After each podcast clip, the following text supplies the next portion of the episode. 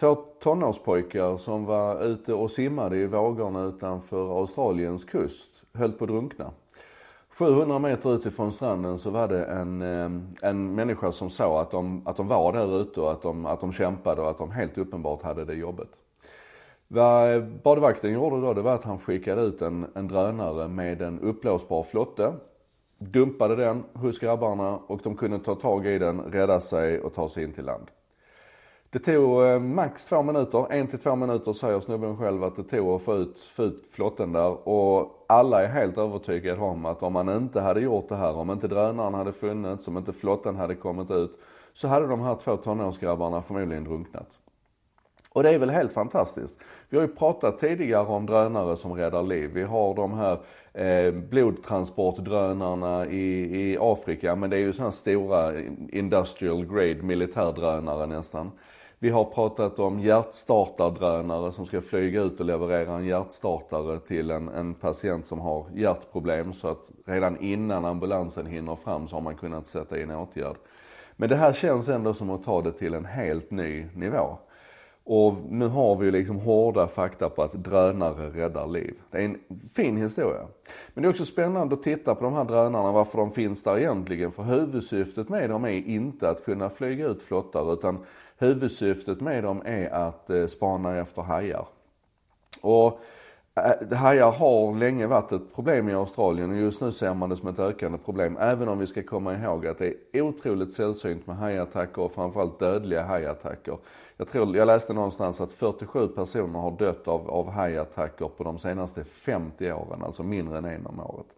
Anyway, eh, publikt och, och, och känslomässigt och så, här, så är det naturligtvis ett problem. Och då använder man alltså de här drönarna till att patrullera kusten och spana efter hajar. Och det här har man gjort eh, på ett mänskligt sätt tidigare. Ja, man gör det ju fortfarande med, med människor också. Men när människor kan identifiera 16% av de här objekten som, som, som man kan se då i vattnet utanför. Så kan, kan de här drönarna identifiera 90% av objekten. De kan skilja mellan 16 olika sorters objekt. Så den kan se om det är en, en haj, eller om det är en val, eller om det är en delfin, eller om det är en surfare. Eh, så med artificiell intelligens och smarta kameror så kan de liksom patrullera de här vattnen. Och nu har vi då dessutom fått lära oss att de faktiskt kan rädda liv. Men det händer ju andra saker, alltså drönare implementeras ju överallt. Jag fick tips här när jag pratade om, om den här nyheten, så fick jag tips om en, eh, nej det var när jag pratade om en annan drönarnyhet. Så fick jag tips om att ett, ett eh, japanskt företag, de heter Taisei, har utvecklat en drönare som är en slags störningsdrönare. Man har alltså problem med att folk sitter på, på eh, kontoren i Japan och jobbar alldeles för länge. De jobbar över och de, de nästan smyger med det. Och då kan man alltså ha drönare som patrullerar kontoren och när de ser att någon sitter vid ett skrivbord när de inte borde sitta där, så åker de fram och så hovrar de över, över huvudet på dem och så spelar de Old Lang Syne. För det är tydligen en, en japansk grej som betyder att nu är det dags att, att gå hem. De spelar den i varuhusen vid stängningsdags och så. Så då hänger den alltså över huvudet på dem och spelar den här musiken högt och störande och så. Tills de då ger upp och, och går hem. det låter som en skröna men vad jag kan säga är det faktiskt så. I alla fall är det det som är planen.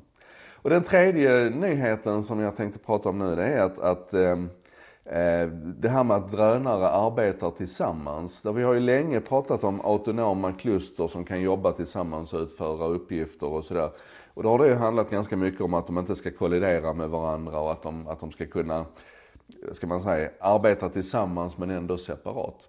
En cool grej nu som har kommit fram på, på UPenn, det är att man, för det första har man utvecklat en, en superbillig drönare som inte behöver någon GPS och ingen extern navigeringshjälp överhuvudtaget utan med en enkel kamera och en EMU, alltså en Inertial Measurement Unit som det heter. Billiga, enkla prylar.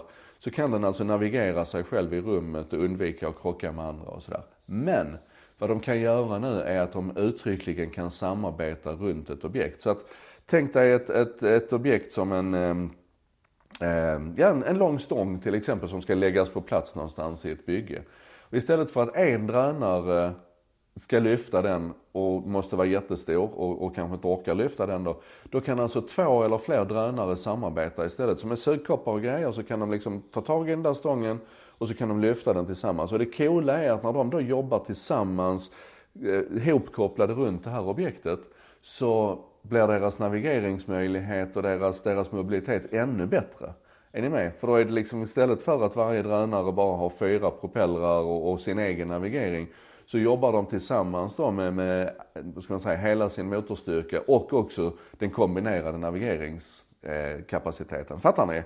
Och det här är ju skitfräckt. Då kan man alltså kasta fler och fler drönare på det. Och då börjar jag tänka så här. Tänk om, om drönarna bara hade varit lite, lite, lite tystare. Så skönt det hade varit i hemmet att ha en liten miniarmé av drönare som du kunde skicka iväg och göra grejer. Så att en drönare kan pipa iväg och hämta chipspåsen.